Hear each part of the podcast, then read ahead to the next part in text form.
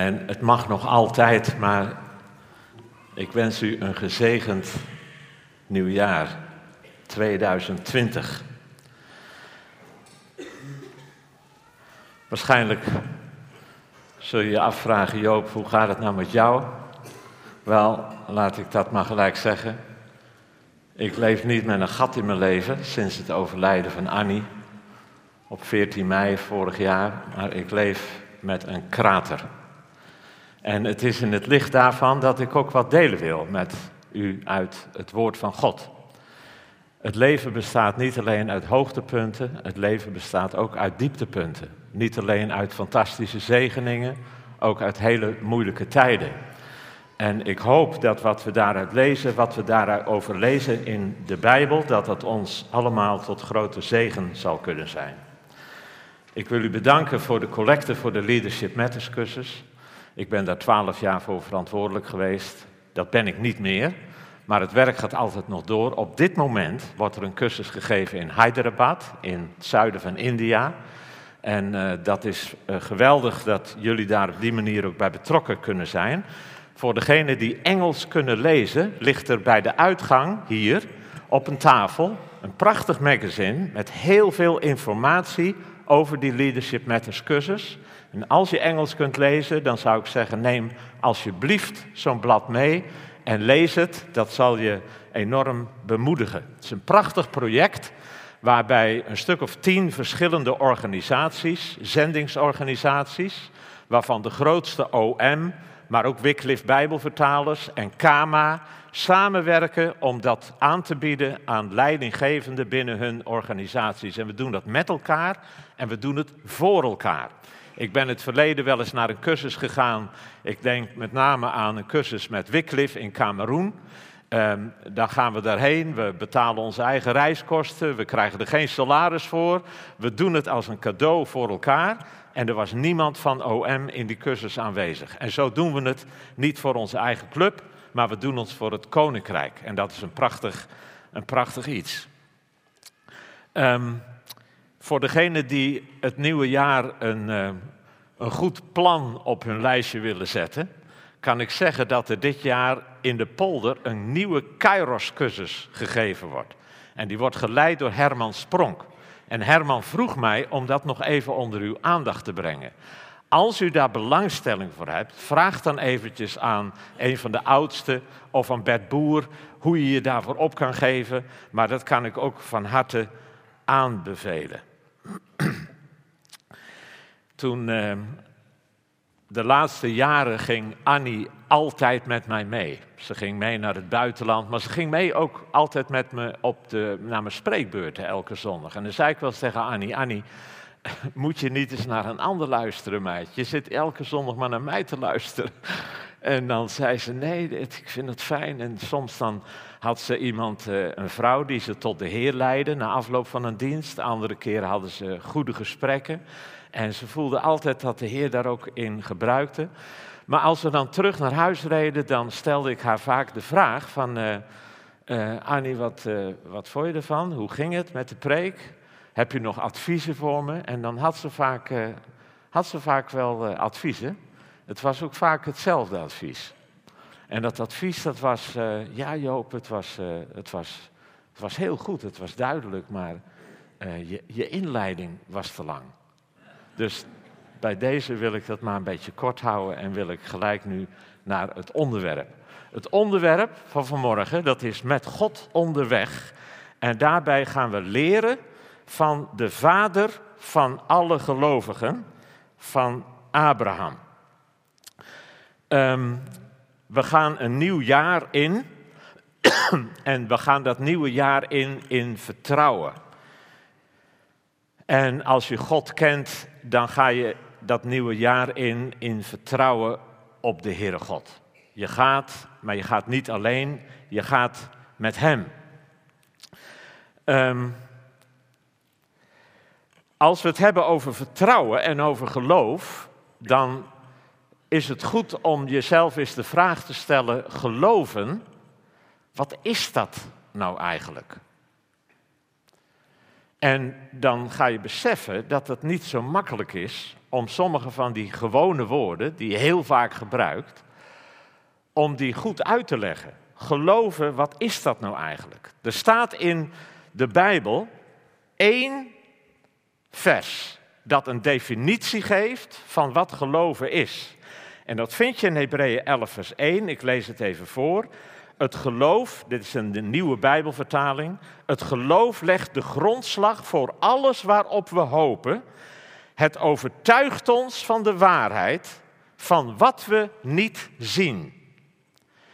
In mijn eigen woorden vertaald zeg ik: geloof is het voor vast rekening houden met dingen die je niet kunt zien. Je kunt ze niet zien omdat ze vroeger zijn gebeurd. Je was er niet bij. Dus je vertrouwt op dat wat je is overgeleverd. We geloven dat Jezus is gestorven en opgestaan uit de dood. Maar dat is 2000 jaar geleden gebeurd. Ik was er niet bij, jij was er niet bij. We vertrouwen op het getuigenis van de apostelen die het ons hebben verteld, die erover geschreven hebben. En dat geschrift, dat hebben wij en dat vertrouwen we. Maar je was er niet bij, dus je houdt voor vast rekening met dingen die je niet kan zien. Als je denkt aan het heden, dan denk je aan bijvoorbeeld dat God er is, dat Jezus hier is, dat er een hemel is. Het zijn allemaal dingen die we niet kunnen zien, maar we houden er voor vast rekening mee, dat is geloof. Het kan zijn dat je rekening houdt met dingen die je niet kunt zien, omdat ze nog in de toekomst liggen. Bijvoorbeeld dat Jezus terug gaat komen.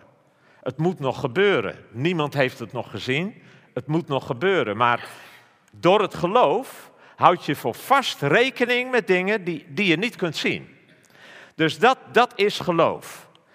Als je dan daarover nadenkt, dan realiseer je ja, dat geloven, dat doen we eigenlijk allemaal.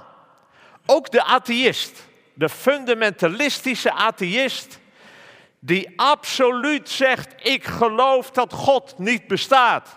Ik geloof dat God niet bestaat. Die gaat vanmiddag in zijn auto om zijn zieke moeder in Leeuwarden op te zoeken. In geloof en vertrouwen dat hij heel huids terug gaat komen. Er is geen enkel wetenschappelijk bewijs voor, maar daar gaat hij vanuit. Zo zijn er in het dagelijks leven allerlei dingen. Waar, waar, we geloof hanteren, waar we dingen doen in vertrouwen. We betalen de rekening in het vertrouwen dat ons gas, water en elektriciteit wordt geleverd. We doen de knop aan in het vertrouwen dat we dan ook elektriciteit in huis hebben. Uh, op allerlei manieren doen we dingen in geloof vertrouwen. Je bent vanmorgen op die stoel gaan zitten en je hebt er geen seconde over nagedacht of die stoel jou wel zou houden. Maar je ging zitten in vertrouwen dat die stoel sterk genoeg was om je ook uh, een geriefelijke plek te geven deze ochtend. Geloven, vertrouwen, we hanteren het eigenlijk allemaal.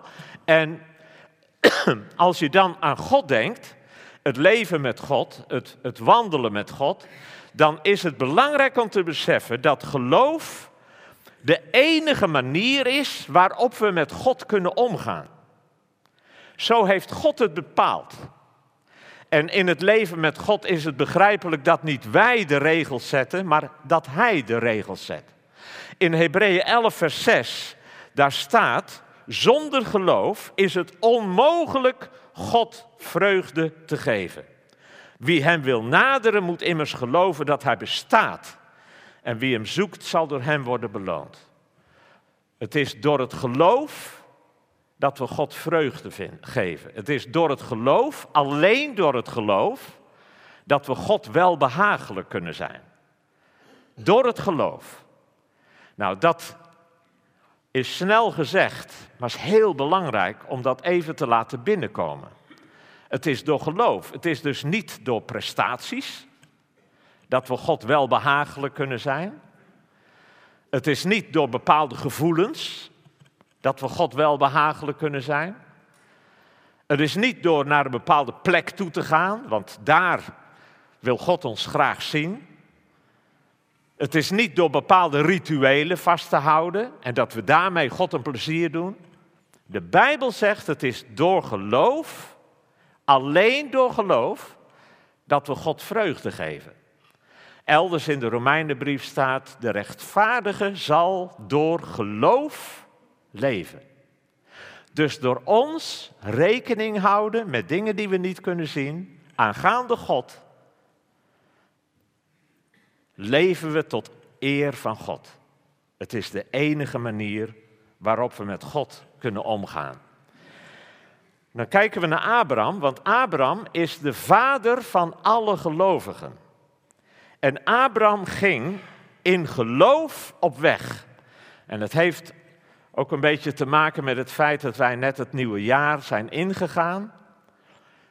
Wij gaan in geloof de grens over van 2019 naar 2020 en we gaan in geloof de toekomst tegemoet. Ik lees uit Hebreeën 11, vers 8 tot 10, waar staat: Door zijn geloof ging Abraham, toen hij geroepen werd, gehoorzaam op weg naar een plaats die hij in bezit zou krijgen. En hij ging op weg zonder te weten waarheen. Door zijn geloof trok hij naar het land dat hem beloofd was, maar hem nog niet toebehoorde.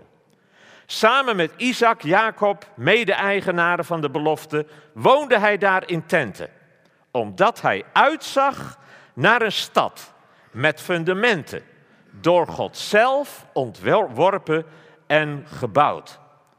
Abraham ging op weg. En hij ging op weg in geloof, in vertrouwen.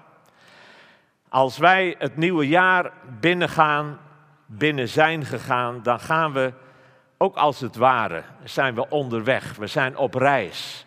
En we weten ook niet wat dit nieuwe jaar zal brengen. Ik had vorig jaar aan het begin van het nieuwe jaar geen idee dat wat me te wachten zou staan in het jaar 2019. En eerlijk, niemand van ons weet wat dit nieuwe jaar ons brengen zal. We zijn op reis. En die reis die heeft veel vergelijkingen en veel overeenkomsten met Abraham, die ook op reis ging. Ik uh, heb de afgelopen tijd heel veel zitten denken. Mensen vroegen mij, Joop, de kerstdagen, is dat moeilijk voor je? En dan is mijn antwoord meestal, ik zeg nou, het was niet zo makkelijk, maar het moeilijkste vond ik 2 december. Op 2 december zouden Annie en ik 42 jaar getrouwd zijn. En ik had twee dagen niet zoveel te doen, ik was veel alleen in huis. En dan zit je heel erg na te denken over 42 jaar geleden. Je hebt net verkering gekregen, je gaat trouwen, je gaat het huwelijkse leven in. Binnen een aantal, binnen een jaar hadden we ons eerste kindje. We gingen het OM-werk in Emmeloord beginnen. Dat was eigenlijk een van de, de mooiste perioden uit je leven. Zo enerverend, zo bruisend, zo prachtig. En uh, ja, dan, dan denk je aan dat moment dat je samen op reis gaat. En wij leken ook wel een beetje op Abraham, want we hadden geen idee wat ons te wachten stond. Um, toen wij trouwden, hadden we geen rode cent. Wij trouwden op 2 december en we trouwden wel, maar we hadden geen geld om na afloop de rekeningen te betalen. We gingen helemaal in vertrouwen. Want Annie, die had al wel gewerkt zeven jaar, maar die had al haar geld weggegeven. Ze had een nieuwe auto, maar die had ze ook weggegeven. Ik had al mijn spaargeld ook weggegeven. En samen hadden we de handen ineengeslagen. Wij gingen de Heer dienen. Wij gingen met de OM werken. En we zouden, God zou, God zou voorzien in alles wat we nodig hadden. Maar we hadden geen idee. En die bruiloft, die hebben we alleen maar kunnen betalen omdat we bij al de envelopjes die we kregen bij de receptie er één envelop bij zat met een hele hoop geld. En daar hebben we na afloop alles van kunnen betalen. Maar we gingen op weg in vertrouwen. We hadden geen idee. En zo zijn we allemaal op weg in vertrouwen. En we hebben geen idee. Abraham werd geroepen om zijn ouderlijk huis vaarwel te zeggen, om het land waar hij zo vertrouwd mee was vaarwel te zeggen en om met God op pad te gaan naar een land waar hij niks van wist. En Abraham ging op weg in gehoorzaamheid. En dan is de vraag hoe we die reis maken Het antwoord erop, dat kan een wereld van verschil zijn. Ik heb geen tijd om daar diep op in te gaan, maar het is een hele interessante studie om dat hele verhaal van Abraham te lezen in Genesis 12 en de hoofdstukken daarna. En om dan eens het contrast te zien tussen Abraham aan de ene kant en Lot aan de andere kant. Abraham en Lot gingen samen op weg. En ze hadden heel veel gemeenschappelijk met elkaar. Ze waren familie van elkaar. Lot was een neef van Abraham. Ze kwamen uit dezelfde plek. Ze gingen naar dezelfde plek. Omdat ze familie van elkaar waren, leken ze misschien wel een beetje op elkaar. Ze waren ongetwijfeld ongeveer hetzelfde gekleed. Ze hadden hetzelfde beroep. Van de buitenkant waren er heel veel overeenkomsten. Maar als je ze wat vragen zou stellen, wat persoonlijke vragen zou stellen, dan zou je ontdekken van buiten lijken ze wel veel op elkaar, maar van binnen is het een wereld van verschil. Bijvoorbeeld, Abraham was door God geroepen en ging op weg. Lot was nooit door God geroepen. Van Lot staat er in dat verhaal drie keer genoemd en Lot die met Abraham meeging. Abraham was een Godvolger. Lot was een meeloper. En dat komt er later ook uit als er ruzie komt tussen de herders, omdat het land de grote kudde niet meer eigenlijk goed van eten kan voorzien. De herders krijgen ruzie met elkaar. Dan is het Abraham die tegen Lot zegt: Maar Lot, dat hoort toch niet zo te zijn, joh, dat we ruzie hebben met elkaar. Weet je, als jij daarin gaat, dan ga ik daarheen. Als ik daarin ga, dan ga jij of als, als jij liever daarin gaat, dan ga ik daarheen. Maar laten we boven alles laten we vrede houden met elkaar. En dan staat er Lot, die keek om zich heen en die zag dat dat er een stuk beter uitzag dan dat. Dus koos Lot voor zich het rijke land. En dan komt eruit wat erin zit. Lot had nooit alles vaarwel gezegd. Lot had nooit alles achter zich gelaten om God te volgen. En als hij de keuze moet maken, dan blijkt dat. En dat is ook interessant. In de keuzes die we maken blijkt wat er in ons hart zit. Ik zeg wel eens, als je wil weten wat je prioriteiten zijn, laat me even je bankafschriften zien. En dan kan ik je precies vertellen wat belangrijk voor jou is. In de keuzes die we maken, laten we zien wat er in ons hart zit. Nou, zo kun je verder naar Lot en Abraham kijken, naar hun gehoorzaamheid. Je kunt kijken naar hun omgaan met de zonde. Je kunt kijken naar hun gebedsleven. Het is een wereld van verschil. Hoe maken wij die reis? En is het belangrijk om die reis op een goede manier te beginnen. Voor Abraham was dat dat hij Gods stem verstond en dat hij ging in gehoorzaamheid aan de stem van God in zijn leven. Voor ons betekent dat dat wij met heel ons hart, dat we komen op het punt dat wij met heel ons hart ja zeggen tegen Jezus. Dat we niet naar de kerk gaan omdat pa en moe naar de kerk gaan, of omdat onze vriendin, omdat mijn beste vriendinnetje naar de kerk gaat, of mijn vriendje naar de kerk gaat. Nee, dat ik er zelf voor kies om Jezus in mijn leven te omarmen. En dat ik ga omdat ik met Hem wil gaan. En dat is een persoonlijke keuze. En daar zie je in Abraham en Lot een hele grote les. Abraham was een Godvolger, Lot was een meeloper. Hoe maken we die reis? Het is een wereld van verschil. Dan zie je dat bij Abraham, in het verhaal van Abraham, zie je een paar dingen naar voren komen die ontzettend belangrijk zijn voor ons als we met God gaan leven. Twee grote misvattingen die vandaag bij heel veel mensen een hele grote rol spelen. De eerste misvatting is dat we denken dat geloofshelden, dat zijn toch een soort van perfecte mensen. Geloofshelden zijn perfecte mensen. Het was goed voor hun, maar joh, zo ben ik niet. Dat kan ik niet. Wel, de Bijbel, die haalt dat volkomen onderuit. Abraham was niet volmaakt. Koning David was niet volmaakt. Petrus was niet volmaakt. Het waren allemaal mensen waar wij ons volkomen mee kunnen vereenzelvigen. En waarvan we weten dat zij moesten leven van genade. En zo mag ik ook leven van genade. Abraham was niet volmaakt.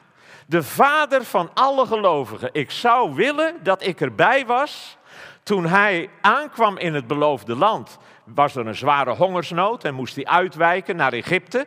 En dan komt hij, gaat hij op weg naar Egypte en dan zegt hij onderweg tegen zijn vrouw, die een hele knappe vrouw is, zegt de Bijbel. Hij zegt, uh, Sarah, jij bent zo'n mooie vrouw. Als, ik nou, als we in Egypte komen en de mensen zien jou, wil je dan zeggen dat je mijn zuster bent? Want anders dan zouden ze misschien mij wat willen doen om met jou te kunnen trouwen. Dus uh, Sari die uh, stemt daarmee in en het verhaal gaat rond. Ze komen in Egypte en inderdaad, iedereen ziet, joh, wat een knappe vrouw. En dan gaat het verhaaltje rond dat, ja, dat is de zuster van die man. En er wordt zo over gepraat dat zelfs de farao die hoort, er zijn vluchtelingen in het land gekomen en die vrouw is een knappe vrouw. En wat laat de farao doen? Die vrouw, die, die laat die vrouw bij hem in huis komen. Dan gebeurt er van alles met de farao. De farao komt tot de ontdekking, ja, ze is misschien ook wel zijn halfzuster, maar hij is ook met haar getrouwd. En dan wordt hij wit heet, hij stuurt haar weg en hij stuurt Abraham met zijn hele handeltje het land uit. En er staat bij dat soldaten hem het land uitstuurden. En daar zou ik bij hebben willen zijn, met een camera, om er een foto van te maken. De vader, alle gelovigen, de staart tussen zijn benen, zijn mooie vrouw aan zijn arm. En de soldaten die erachter staan, die schreeuwen: Weg jij, vuile leugenaar! Dat is de vader, alle gelovigen. Deze geloofshelden waren geen perfecte mensen. Weet je, het gaat niet om ons. Het gaat niet om mijn goedheid, om onze goedheid. God is goed. God is vol liefde en genade. Zij, Abraham, David, Petrus, moesten van genade leven. Ik en wij mogen van genade leven. Maar dat is de eerste misvatting.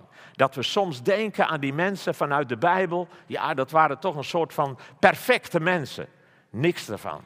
De tweede misvatting, dat is als je nou maar gelooft en je gaat met God op pad, dan gaat alles voor de wind. Wel, ook dat wordt in het leven en de geschiedenis van Abraham volkomen onderuit gehaald. Abraham wordt geroepen door God om zijn land en familie vaarwel te zeggen en op weg te gaan naar het land dat God hem wijzen zal. En God zegt erbij, Abraham, ik zal jou zegenen en jij zult tot een zegen voor alle volkeren gaan worden. Zo gaat de man op pad, hij komt in het beloofde land en wat is het allereerste dat hem treft in het beloofde land? Het is een hongersnood, waarvan de Bijbel zegt, de hongersnood was zwaar. Het was zo zwaar dat Abraham zich genoodzaakt voelt om uit te wijken van het beloofde land naar Egypte. Dat was het eerste wat hem trof. Dan belooft God dat uit Abraham er een groot volk geboren zou worden. Wel, dan moet je toch in ieder geval één kind krijgen, zou ik zeggen. Maar Abraham heeft de belofte, maar er komt geen kind. Na vijf jaar is er nog geen kind. Na tien jaar is er nog geen kind. Na vijftien jaar is er nog geen kind. Na twintig jaar is er nog geen kind. En velen van ons die zouden ongetwijfeld zeggen: Ik heb het vast verkeerd begrepen. Ik heb Gods stem verkeerd verstaan. Het is pas na 25 jaren wachten dat Abraham een zoon krijgt. En dan heb ik al gezegd dat er momenten zijn dat hij zijn vrouw kwijtraakt. Het was bij hem geen weg over rozen. De idee die ons door sommigen wordt aangepraat, vertrouw God. En God wil je geven voorspoed, genezing, rijkdom. We hebben er zelfs een term voor, de welvaartstheologie, is een valse leer. Die komt niet van God. Dat is niet wat God ons geven wil. God wil niet ons geluk. God wil ons vormen. God heeft plannen met ons, maar daar zal niet alleen maar voorspoed en rijkdom en geluk, wat wij dan geluk noemen, een rol in spelen. Daar zullen ook diepe dalen bij zijn. Daar wordt ook Psalm 23 in geschreven. Zelfs al ga ik door een dal van diepe duisternis. Al de apostelen, al de apostelen, behalve misschien Johannes, zijn een gewelddadige dood gestorven. Zoveel mensen in de Bijbel hebben zo ontzettend veel geleden. Mensen vandaag lijden omwille van de naam van Jezus. Ik las kort geleden dat er een kwart miljard christenen zijn in deze wereld die min of meer lijden omdat ze christen zijn. Die met min of meer vervolging te maken hebben. Een kwart miljard christenen. Het is een misvatting om te denken. Als je nou maar God vertrouwt, dan gaat alles voor de wind. Ik weet nog dat toen ik in OM kwam en bij OM ging werken, dat was in 1974, toen heb ik kort daarna het voorrecht gehad om Corrie ten Boom te ontmoeten. Corrie ten Boom, de ouderen onder ons, die kennen haar. Die is uh, na de oorlog heel bekend geworden uh, als evangeliste in de hele wereld.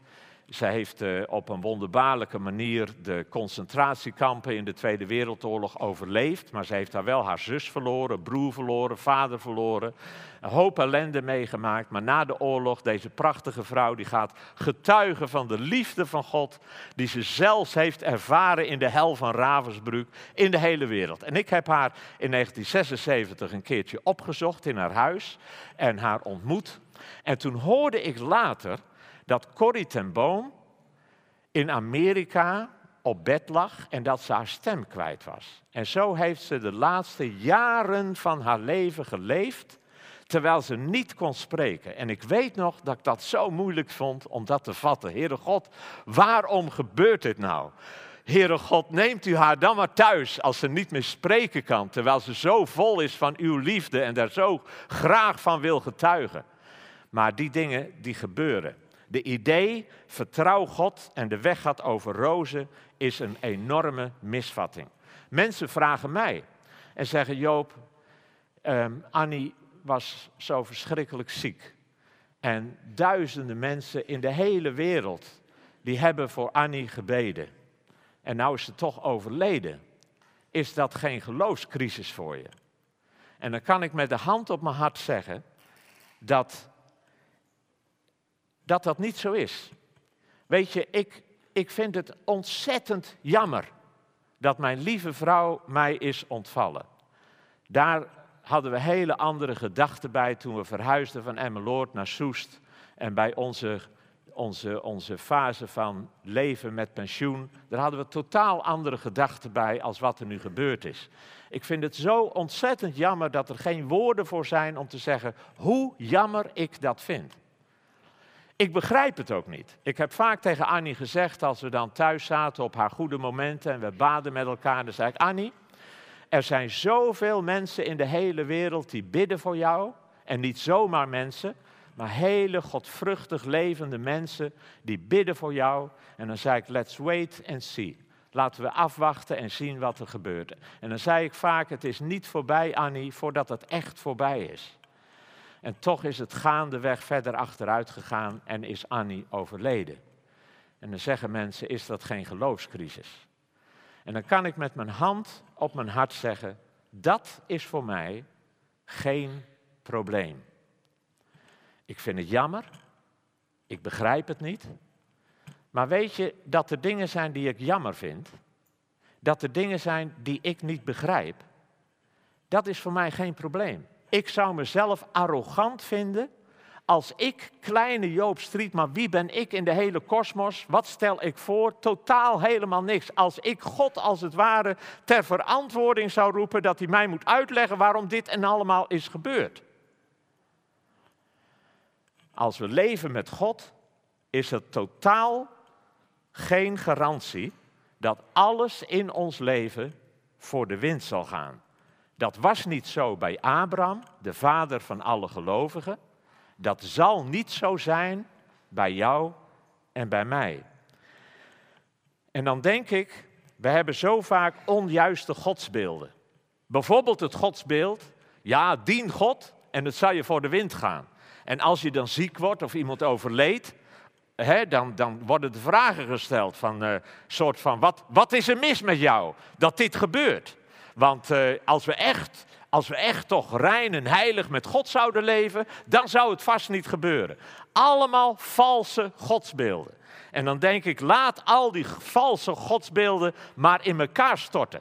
Ik was uh, kort geleden, heb ik geholpen bij een alfa-cursus in Amersfoort voor senioren. En het waren tien deelnemers van boven de 80 jaar. Die deden de alfa-cursus. En als je dan die oude mensen ontmoet en leert kennen, dan trof het me door uit hun verhalen te horen hoeveel pijn mensen hebben aan de kerk. Zoals die ene vrouw die vertelde dat ze uit het zuiden van Nederland, uit een Roomse kerk komt. Als kind is er een, een broertje overleden en de familie had met de pastoor geregeld, er zou een speciale mis worden opgedragen aan het overleden jongetje. De hele familie komt bij de kerk, de deur is dicht, er is niemand, iedereen had het vergeten. En ze zei, dat is het laatste wat mijn familie van de kerk heeft gezien. Mensen kunnen elkaar ontzettend bezeren. De kerk kan je ontzettend bezeren. De kerk kan je tekort doen. En uh, dan denk ik, als je dan leeft met het idee van ja, dat, dat hoort niet zo te zijn, weet je, als ik God dien, dan hoort alles toch voor de wind te gaan. Laat al die godsbeelden maar in elkaar storten. Weet je dat het zo niet werkt? Dat is geen probleem. Maar daarmee is God niet van zijn troon gevallen. God is nog altijd God. De God van de Bijbel. De vraag die je jezelf stellen kunt. Um, als dit zo is, hè, dat als je God dient, is het geen garantie dat alles voor de wind gaat. Waarom zou je dan toch in God geloven? Waarom zou je dan toch in de God van de Bijbel geloven? Je moet me even helpen voor de volgende slide. Het antwoord daarvan, het antwoord op die vraag, dat vinden we in de tekst die we gelezen hebben in Hebreeën 11, waar staat dat Abraham, die gaat op weg zonder te weten waarheen, in vers 8 en dan in vers 10. Hij doet dat omdat hij uitzag naar een stad met fundamenten door God zelf ontworpen en gebouwd. Abraham die gaat omdat hij heel in de verte iets ziet dat magistraal is. Hij ziet de stad van God. Misschien zag hij wel heel vaag het hemelse Jeruzalem. Maar hij zag meer dan alleen een stukje land.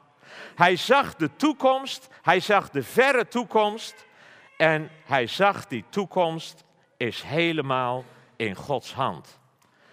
En dan denk ik, weet je, wij geven allemaal ons vertrouwen aan iets. Allemaal. Je vertrouwt op je eigen inzicht. Je vertrouwt op de een of andere profeet die van alles zegt en daar geef je je vertrouwen aan. Misschien zeg je, ja nee, maar ik vertrouw op de God van de Bijbel. We geven allemaal ons vertrouwen aan iets. En die keuze hebben wij om dat te doen waaraan we dat willen. We zijn vrij om dat te doen. Waarom zouden we ons vertrouwen geven aan de God van de Bijbel? Abraham ziet in de verte de stad van God met fundamenten. En dan denk ik, wij moeten ook verder kijken dan onze neus lang is. Je moet me weer even helpen, hij werkt niet meer. Ehm, de volgende slide. Ehm, bij de afscheidsdienst van Annie speelden we, werd gespeeld dat prachtige stuk van Handel. I know that my Redeemer lives. En dat is de Engelse tekst van wat er in het Nederlands in Job 19, vers 25 staat. Ik weet dat mijn verlosser leeft. Ik weet mijn redder leeft. En hij zal tenslotte ingrijpen. Als iemand wist van lijden, dan was het Job. Job was zijn kinderen kwijt. Job was zijn bezittingen kwijt. Job was zijn huis kwijt. Job was zijn vrienden kwijt, want zijn vrienden kwamen om hem ook te beschuldigen. Job was alles kwijt. En dan uiteindelijk is hij zijn gezondheid kwijt. En dan komt zijn vrouw naar hem en die zegt tegen Job, Job, Job, zeg God vaarwel en sterf. Waarom zou je God dienen? Wel, de volgende slide. Er is altijd een tenslotte. Wij leven niet alleen maar voor het hier en nu. Wij leven voor een toekomst die geweldig is, die grandioos is. Ik heb de afgelopen dagen, de afgelopen maanden meer nagedacht en gelezen over de toekomst, over de hemel, over de nieuwe hemel en de nieuwe aarde, het Bijbelboek Openbaringen, als ik ooit tevoren heb gedaan. Op een nacht, de volgende slide, op een nacht toen werd ik wakker en toen waren die woorden kwamen in mijn hoofd. Als we alleen voor dit leven op Jezus vertrouwen, dan zijn we de beklagenswaardigste van alle mensen. En toen dacht ik, waar staat die tekst? En ik ben midden in de nacht ben ik mijn bed uitgegaan en ik heb de Bijbel doorgebladerd en ik heb die tekst gevonden in 1 Korinthe 15 vers 19, waar staat als we alleen voor dit leven op Christus hopen, dan zijn wij de beklagenswaardigste mensen die er zijn. Nou, die tekst moet je even goed laten doordringen. Als we alleen voor dit leven op Christus hopen. Met andere woorden, wij, wij hopen dat Jezus ons hier zal zegenen, dat hij ons rijk zal maken, dat hij ons gelukkig zal maken, dat hij ons gezond zal maken. Wij hopen voor dit leven op Jezus. En Paulus zegt hier, als wij alleen voor dit leven op Jezus vertrouwen, dan zijn we niet alleen beklagenswaardig, dan zijn we de beklagenswaardigste mensen die er zijn. Want wij vertrouwen niet alleen op Jezus voor dit leven, wij vertrouwen op Jezus voor het leven wat nog komen gaat. Voor het beloofde land, voor de overkant. Net zo goed als voor het leven hier. En in de volgende slide staat Handelingen 3, vers 21. Jezus moest in de hemel worden opgenomen tot de tijd aanbreekt waarover God van oudsher bij monden van zijn heilige profeten heeft gesproken, waarin alles zal worden hersteld. Er komt een dag dat God alles zal herstellen dat er zal gebeuren wat er in Romeinen 8, vers 21 staat, de volgende slide. De schepping zelf zal worden bevrijd uit de slavernij van de vergankelijkheid. Het evangelie heeft drie facetten, een verleden, een heden en een toekomst. Als we Jezus omarmen, dan worden al onze zonden, de narigheid, de vuiligheid van het verleden, die wordt weggewassen, gereinigd, vergeven. Maar het heeft ook een heden. Jezus wil mij veranderen nu. Hij wil in mijn hart werken door de Heilige Geest. En hij wil mij meer en meer maken zoals Jezus is. Het beeld van Jezus in mij en jou vormen. Maar het evangelie heeft ook een toekomstaspect. En dat moet nog gebeuren. Dat de hele schepping, de hele kosmos zal worden bevrijd, staat er uit de slavernij van de vergankelijkheid. Dood, ellende, sterven, er zal een dag komen, dan zal dat niet meer zo zijn. En dan denk ik, dat is zo mooi. Alleen de Bijbel geeft hoop voor de aarde. De Koran doet dat niet. De Hindoe-geschriften doen dat niet. Alleen de Bijbel geeft hoop voor de aarde. De aarde zal worden bevrijd. En dan staat er in Openbaringen 21, en ik lees even het hele stukje. Openbaringen 21, vers 1. En ik zag een nieuwe hemel en een nieuwe aarde. Want de eerste hemel en de eerste aarde zijn voorbij. En de zee is er niet meer. En toen zag ik de heilige stad, het nieuwe Jeruzalem, uit de hemel nederdalen bij God vandaan. Ze was als een bruid die zich mooi heeft gemaakt voor haar man en hem opwacht. En ik hoorde een luide stem vanaf de troon die uitriep: Gods woonplaats is onder de mensen. Hij zal bij hen wonen. Zij zullen ze volken zijn en God zelf zal hun God bij hen zijn. Hij zal alle tranen uit hun ogen wissen. Er zal geen dood meer zijn, geen rouw, geen jammerklacht, geen pijn. Want wat er eerst was, is voorbij. En hij die op de troon zat, zei: alles maak ik nieuw. Ook al gebeurt er onderweg van alles. Ook al gebeurde er bij Abraham onderweg van alles. Was er hongersnood? Raakte hij zijn vrouw kwijt? Moest hij 25 jaren wachten op een kindje? Ook al gebeurt er onderweg van alles. Dat vergezicht is ons vergezicht. In het nieuwe jaar waarbij we in 2020 geen enkel idee hebben wat er ons te wachten staat, mogen wij ons oog richten op die toekomst die God ons belooft. Ik verlang enorm.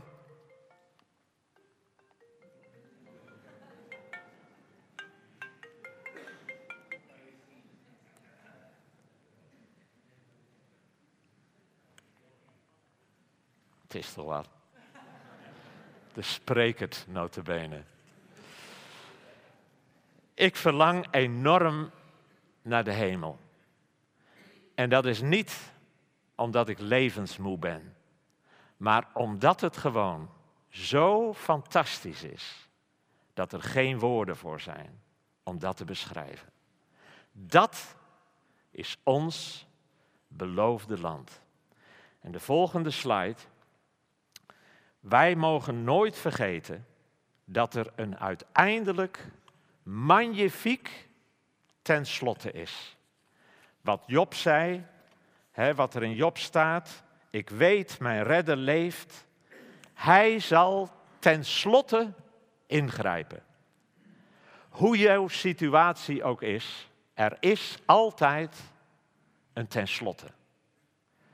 En laten wij, als wij de toekomst tegemoet gaan, ons oog gericht houden op die werkelijkheid. Gods tenslotte. Laten we een moment nemen om in stilte te reageren in ons hart op wat we gehoord hebben. En dan wil ik daarna afsluiten met een kort gebed.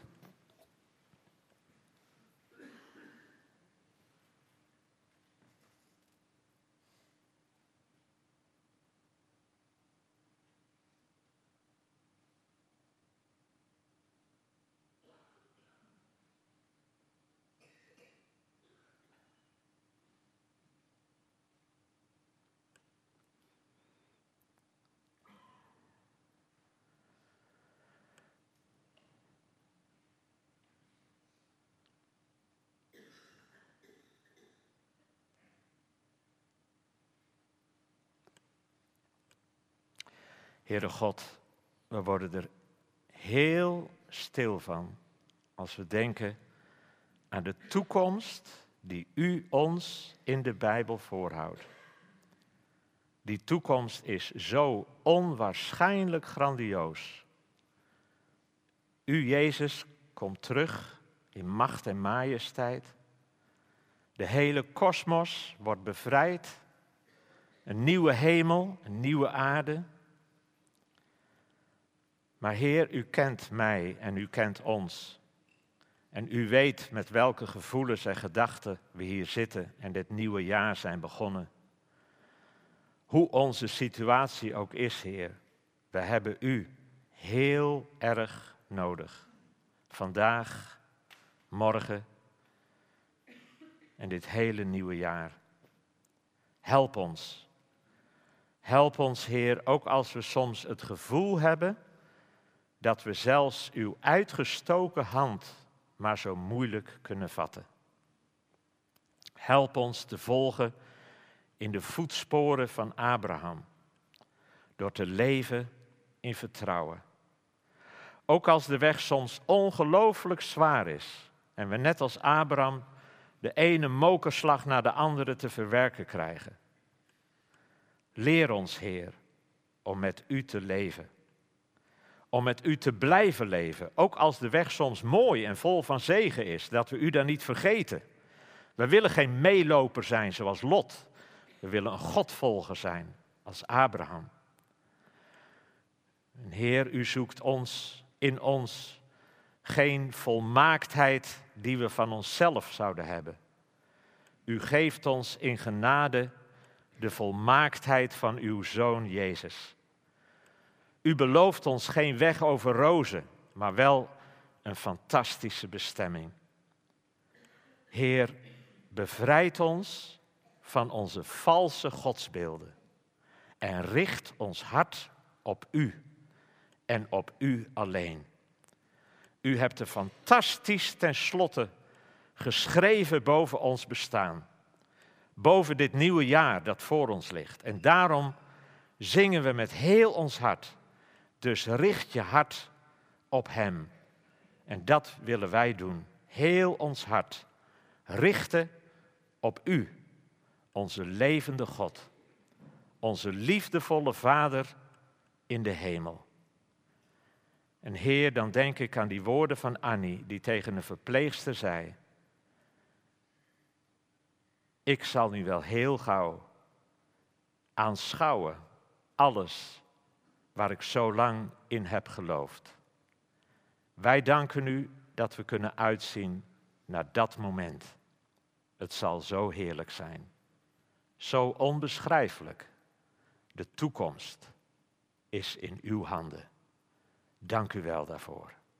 Amen.